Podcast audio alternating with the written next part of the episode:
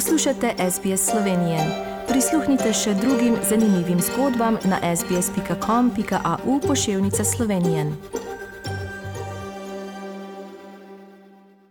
Drage poslušalke, spoštovani poslušalci, poslušate slovensko oddajo na radiju SBS danes v soboto 19. junija 2021. Sedaj pa z velikim veseljem na drugi strani telefonske linije pozdravljam njegovo ekscelenco, slovenskega veleposlanika v Kamberi, gospoda Jurija Riflja. Lep pozdrav.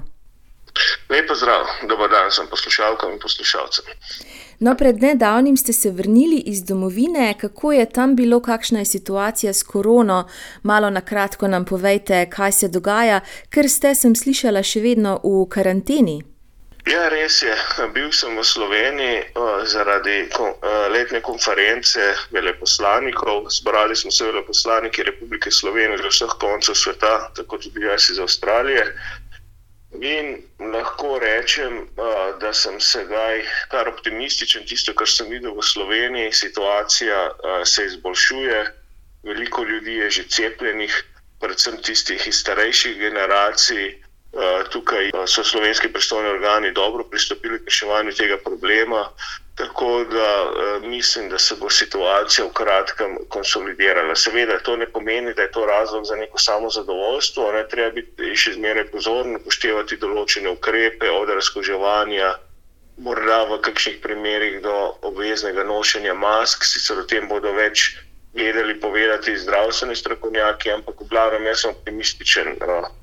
In res je, uh, zaenkrat sem še v karanteni, ker pač tako uh, zapovedujejo avstralski predpisi. In tudi mi, čeprav smo diplomati, nismo nad uh, predpisi, ki varujejo javno zdravje uh, prebivalcev te države. No, in naslednji teden, točneje v četrtek 24. junija, bo v Kamberi veselo, točneje v stari eh, parlamentarni hiši. Kaj se bo tam dogajalo? Seveda, govoriva o praznovanju 30. obletnice slovenske neodvisnosti. Ja, res je. Eh, letos bomo 24. junija, to je en dan pred eh, samim datumom, bomo v Kamberi uh, imeli diplomatski sprejem ob 30. obletnici slovenske samostojnosti in tudi v čast uh, začetka, skorajšnjega začetka drugega predsedovanja Evropske unije uh, Slovenije. To se bo pričelo 1. julija letos. Praznovanje bo zato, da to obeležimo, da mu damo, oziroma sam sprejem, bo v starem parlamentu, avstralskem, ker parlament je osrednja institucija avstralskega političnega sistema in s tem nekako tudi podarimo, kako sta državi na področju vrednot povezani, gre za odprti družbi, parlamentarni demokraciji. Samega sprejema se bo udeležila velika večina tujih diplomatov, ki so akreditirani v Kamberi, predstavniki avstralske vlade in tudi predstavniki slovenske skupnosti. In uh, nekateri predstavniki iz uh, poslovnih krogov v Avstraliji. Vsekakor bo to nek poseben dogodek in veseli me, da sem v Avstraliji prav v tem trenutku, ko obeležujemo 30 let uh, samostojnosti slovenske države. No, in če se spomnite 30 let nazaj, kako ste pa vi doživljali to novico, da je Slovenija postala samostojna, kje ste bili, kakšne spomine imate na tisti dan, na tisti čas? Ja, jaz sem morda malo specifičen, zato ker je na, na dan 25. junija sem bil v Franciji, kamor sem odpotoval dan prej. In to zato, uh, ker se je pojavila neka možnost, da grem v poletno šolo o človekovih pravicah, ki je vsako poletje, ki je vsako poletje v Strasburu, tam, kjer je tudi stedež organizacije. Svet Evrope organizira prestižni eh, francoski inštitut za človekove pravice René Cassin.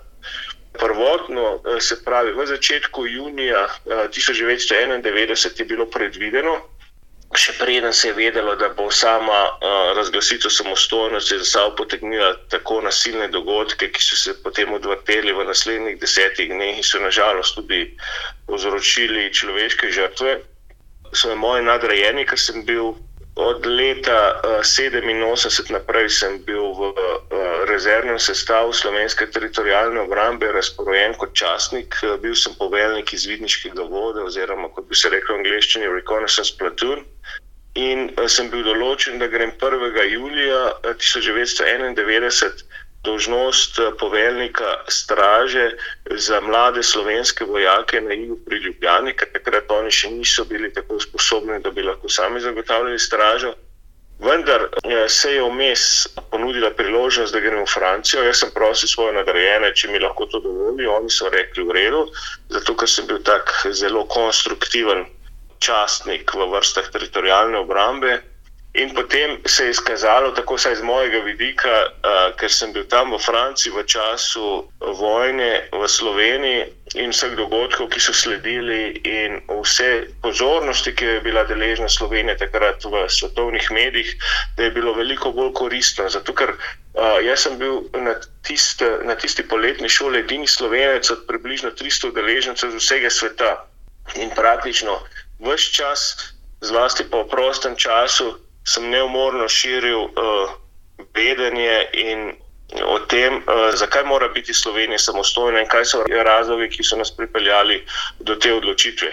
Namreč potrebno se je zavedati, da takrat veliko ljudi po svetu, tudi takih uh, dobronamernih, ni razumelo, zakaj uh, Slovenija odhaja iz Jugoslavije. Jugoslavija, uh, pač, uh, ki je bila, kakršna je bila, ne bom se sedaj spuščal v njene negativne uh, plati je imela določen ugled v svetu, tega se je potrebno zavedati. In uh, potrebno je bilo kar nekaj naporov, da sem uspel prepričati uh, večji del udeležencev tam, uh, da je neodvisnost Slovenije pač nekaj samoumevnega v okoliščinah, ki so se začele pojavljati v nekdanji Jugoslaviji 5-6 let pred razglasitvijo samostojnosti. Na drugi strani pa lahko rečem, da so po vojaki Eh, ki sem jih usposabljal na vojaških vajah eh, v letih pred osamosvojitveno vojno, eh, so sodelovali v bitki oziroma krajšem boju med teritorijalno obrambo in policijo na slovenski strani in pripadniki jugoslovanske armade pri Trzinu zraven Menkša junija 1991. To je tisto, kar lahko povem za samo mojo deležbo oziroma uh, moj spomin na tiste čase. Vsekakor je pa morda, se pričujem, ker sem nekoliko dolg, ampak uh, takrat sem imel 25 let in glede na intenzivnost dogodkov, ko se danes spomnim nazaj, se mi zdi, da se spomnim skoraj vsakega dneva, ki je uh, od razglasitve rezultatov plebiscita. 26. decembra 1991 do tistih uh, dni, ki so ko se je Slovenija osamosvojila in ko so potem, nažalost, eh, zaradi nekaterih nespametnih politikov v Beogradu vodili tudi v desetdnevno vojno, v kateri smo morali obraniti, če se tako izrazim, eh, svojo deviško oziroma svojo zelo mlado neodvisnost. Ja, zelo zanimivi spomini eh, se mi zdi, da bodo naši poslušalci kar z zanimanjem prisluhnili. Vsekakor jaz sem se, tako kot bi bila nekak eh, zunani gledalec vaše zgodbe, tako da obujamo spomine na to že vse mesec in se mi zdi prav, da o tem govorimo, o spominih in seveda se tudi jaz veselim vseh praznovanj, ki bodo sledila v juniju. In se vam najlepše zahvaljujem, gospod veleposlanik, da ste se danes oglasili našim poslušalcem in vam seveda čestitam v imenu vseh sodelavcev Radia SBS slovenske oddaje ob 30. obletnici naše države Slovenije. Najlepše hvala za pogovor še enkrat in naj jaz tudi čestitam vsem tukaj živečim slovenskim rojakom, predvsem pa bi se jim rad še enkrat zahvalil za vso podporo, ki je bila Slovenija deležna v procesu osamosvajanja in predvsem kasneje po osamosvojitvi v procesu pridobivanja mednarodnega priznanja. Nismo pozabili, kako je slovenska skupnost v Avstraliji pomembno vplivala na odločitev takratne avstralske vlade, da je bila med prvimi državami, ki so priznale uh, samostojno Slovenijo. Zato še enkrat hvala slovenski rojaki v Avstraliji. Želite slišati sorodne zgodbe? Prisluhnite jim preko Apple ali Google podcasta, preko aplikacije Spotify ali kjerkoli drugje.